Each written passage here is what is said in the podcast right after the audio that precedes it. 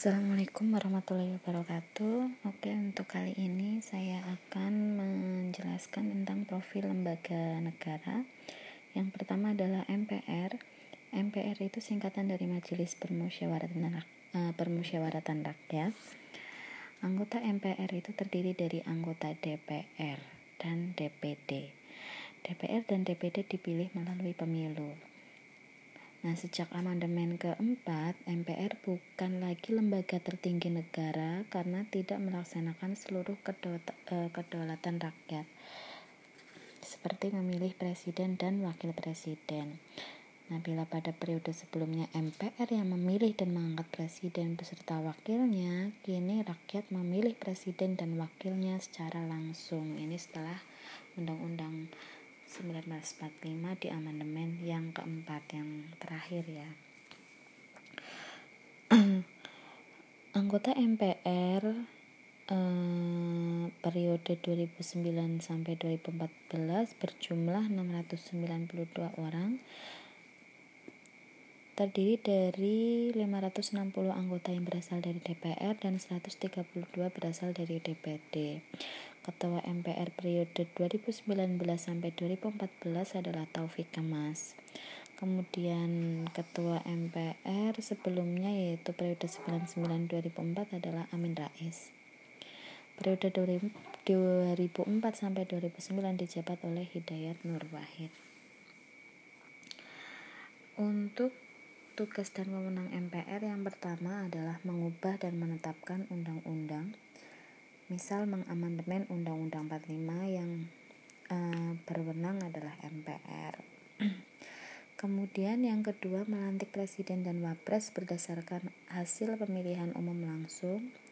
Ketiga memutuskan usul DPR berdasarkan putusan Mahkamah Konstitusi untuk memberhentikan presiden atau wapres dalam masa jabatannya.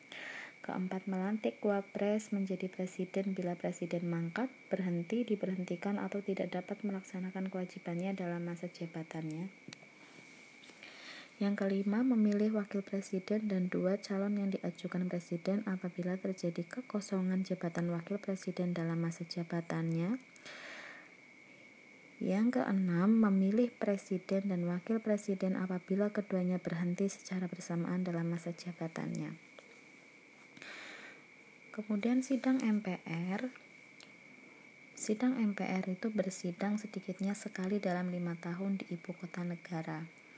Uh, sidang MPR dinyatakan sah apabila dihadiri yang pertama sekurang-kurangnya 3 per 4 dari jumlah anggota MPR untuk memutuskan usul DPR memberhentikan presiden dan wapres. Yang kedua, sekurang-kurangnya 2 per 3 dari jumlah anggota MPR untuk mengubah dan menetapkan undang-undang dasar. Yang ketiga, sekurang-kurangnya 50% plus 1 jumlah anggota MPR untuk sidang-sidang lainnya. Putusan MPR dianggap sah apabila disetujui sekurang-kurangnya 2 per 3 dari jumlah anggota MPR yang hadir untuk memutuskan usul DPR memberhentikan presiden atau wapres sekurang-kurangnya 50 persen plus 1 seluruh jumlah anggota MPR untuk memutuskan perkara lain.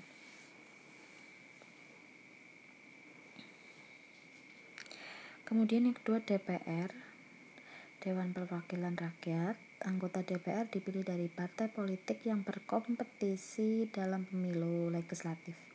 Jumlah anggota DPR adalah 560 anggota. Komisi-komisi DPR, komisi yang pertama adalah ruang lingkup masalah pertahanan, intelijen, luar negeri, komunikasi dan informasi. Komisi 2 eh, ruang lingkupnya adalah masalah pemerintah dalam negeri dan otonomi, daerah, aparatur negara, agraris dan KPU. Komisi 3 ruang lingkupnya adalah masalah hukum, perundang-undangan, HAM dan keamanan. Kemudian Komisi 4, ruang lingkupnya adalah masa, e, pertanian, perkebunan, kehutanan, kelautan, perikanan, dan pangan. Komisi 5, ruang lingkupnya adalah masalah perhubungan, pekerjaan umum, perumahan rakyat, pembangunan perdesaan dan kawasan tertinggal, Badan Meteorologi dan Geofisika, dan Badan SAR Nasional. Komisi 6 ruang lingkupnya adalah masalah perdagangan, perindustrian, investasi, koperasi UKM BUMN, standarisasi nasional. Komisi 7 ruang lingkupnya adalah energi, sumber daya mineral, riset dan teknologi dan lingkungan hidup. Komisi 8 ruang lingkupnya adalah agama, sosial, pemberdayaan perempuan. Komisi 9 ruang lingkupnya adalah kependudukan, kesehatan, tenaga kerja dan transmigrasi. Komisi 10 ruang lingkupnya adalah pendidikan, pemuda, olahraga, pariwisata, kesenian, perfilman, kebudayaan, dan perpustakaan. Komisi 11 ruang lingkupnya adalah keuangan, perencanaan, pembangunan nasional, perbankan, lembaga keuangan, bukan bank.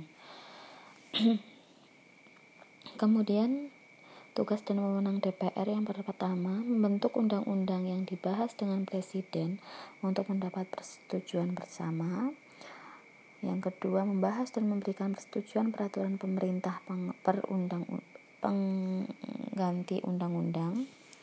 Sorry, saya ulangi, membahas dan memberikan persetujuan peraturan pemerintah pengganti undang-undang.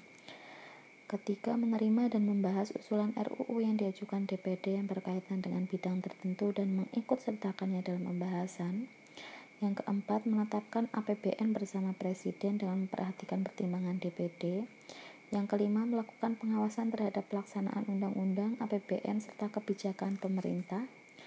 Yang keenam, memilih anggota BPK dengan memperhatikan pertimbangan DPD. Yang ketujuh, membahas dan menindaklanjuti hasil pemeriksaan atas pertanggungjawaban keuangan negara yang disampaikan oleh BPK. Yang kedelapan, memberikan persetujuan pada Presiden atas pengangkatan dan pemberhentian anggota Komisi Yudisial. Yang kesembilan, memberikan persetujuan calon hakim agung yang diusulkan Komisi Yudisial untuk ditetapkan sebagai hakim agung oleh Presiden. Memilih tiga orang calon anggota hakim konstitusi dan mengajukannya kepada Presiden untuk ditetapkan. Yang ke-11 memberikan pertimbangan pada Presiden untuk mengangkat duta dan menerima penempatan duta dari negara lain. Yang ke-12 memberikan pertimbangan pada Presiden dalam pemberian amnesti dan abolisi. Yang ke-12 memberikan persetujuan pada presiden untuk menyatakan perang, membuat perdamaian dan perjanjian dengan negara lain. Dan ada satu fungsi dari DPR adalah fungsi pengawasan. Kemudian eh, DPD Dewan Perwakilan Daerah ya, ini dipilih setiap provinsi melalui pemilu Anggota DPD dari setiap provinsi jumlahnya sama yaitu 4. DPD bersidang sedikitnya sekali dalam setahun.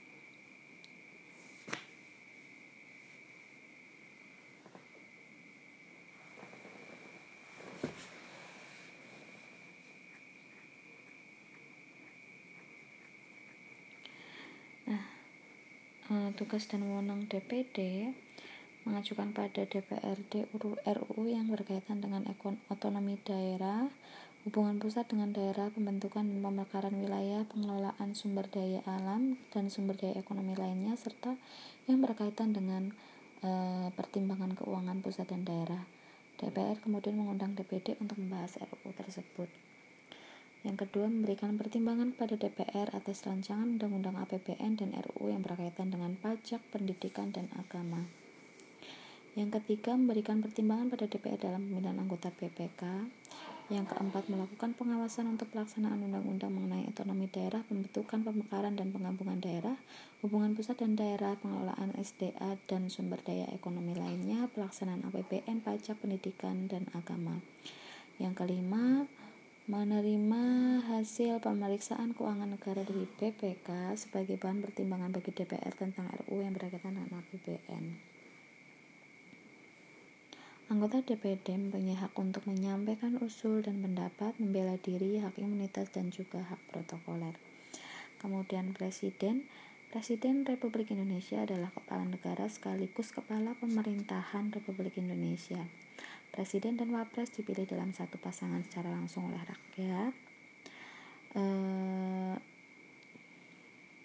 sebelumnya, Presiden dan Wapres dipilih oleh MPR dengan adanya perubahan amandemen UUD 45 Yang keempat, presiden tidak lagi bertanggung jawab kepada MPR dan kedudukannya antara presiden dan MPR adalah setara. Presiden dan Wapres selama lima tahun dan sudahnya dapat dipilih kembali dalam jabatan yang sama untuk satu kali masa jabatan, hanya dua kali masa jabatan ya. Presiden, Wapres, dan Kabinet merupakan pusat lembaga eksekutif. Presiden menunjuk, mengangkat, dan memberhentikan menteri-menterinya. Para menteri bertanggung jawab kepada Presiden. Uh, sebagai kepala negara, ini Presiden adalah simbol resmi negara Indonesia di dunia.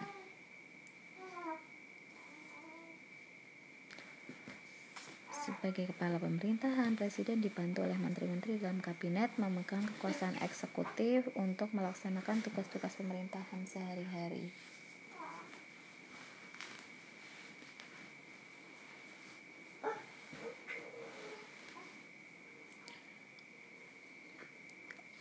Wewenang kewajiban dan hak presiden yang pertama memegang kekuasaan pemerintahan menurut Undang-Undang Dasar. Yang kedua,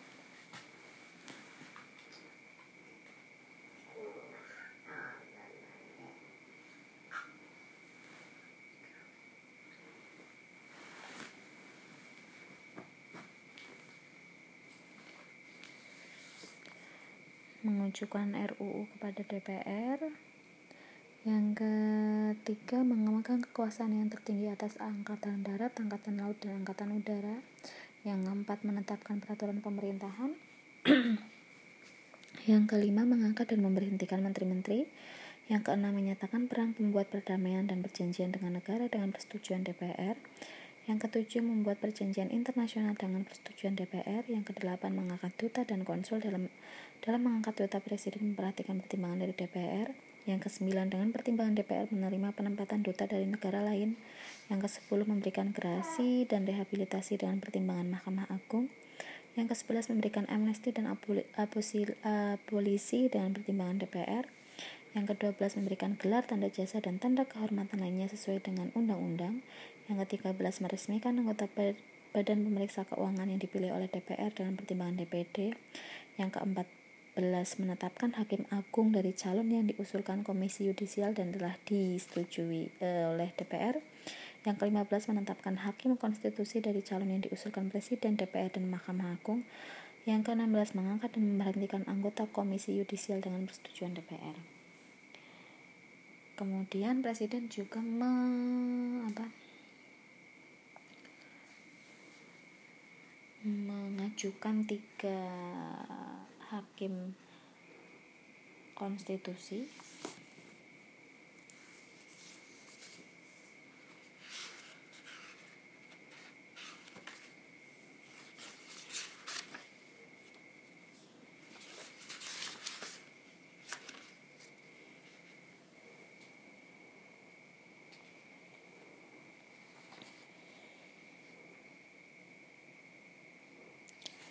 Nah, ini yang pasal 24C ayat 3 Mahkamah Konstitusi merupakan 9 orang anggota hakim konstitusi yang ditetapkan oleh presiden yang diwakilkan masing-masing tiga orang oleh Mahkamah Agung, tiga orang oleh DPR dan tiga orang oleh presiden. Eh, kemudian Mahkamah Agung merupakan lembaga lembaga tinggi yang melaksanakan kekuasaan kehakiman di Indonesia bersama Mahkamah Konstitusi. Susunan Mahkamah Agung terdiri atas pimpinan, hakim anggota, panitera, dan seorang sekretaris. Ketua Mahkamah Agung sejak 15 Januari hingga 2019 adalah Harifin Atumpa. Kewenangan Mahkamah Agung antara lain yang pertama mengajukan peraturan perundang-undangan di bawah undang-undang, yang kedua mengadili pada tingkat kasasi, yang ketiga wewenang lain yang diberikan oleh undang-undang. Kemudian Mahkamah Konstitusi adalah lembaga tinggi negara dalam sistem ketatanan kenegaraan Indonesia merupakan pemegang kekuasaan kehakiman bersama-sama dengan Mahkamah Agung. Kewajiban dan wewenangnya Mahkamah Konstitusi adalah berwenang mengadili pada tingkat pertama dan terakhir yang putusannya bersifat final untuk menguji undang-undang terhadap undang-undang dasar, memutus sengketa kewenangan lembaga negara yang kewenangannya diberikan oleh Undang-Undang Dasar 45 memutus pembubaran partai politik, memutus perselisihan tentang hasil pemilu. Yang kedua, wajib memberi putusan atas pendapat DPR mengenai dugaan pelanggaran oleh presiden dan wapres. Jadi kalau Mahkamah Agung itu mengajukan peraturan undang-undang uh, peraturan perundang-undangan di bawah undang-undang. Nah, yang memutuskan itu adalah Mahkamah Konstitusi menguji gitu ya menguji undang-undang terhadap undang-undang dasar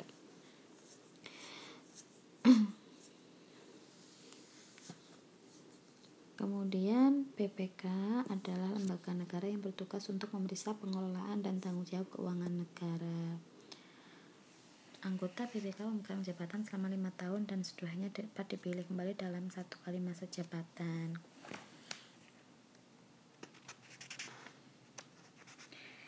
Anggota BPK dipilih oleh DPR dan memperhatikan pertimbangan DPD dan diresmikan oleh Presiden. Hasil pemeriksaan keuangan negara oleh BPK diserahkan kepada DPR, DPD, dan DPRD.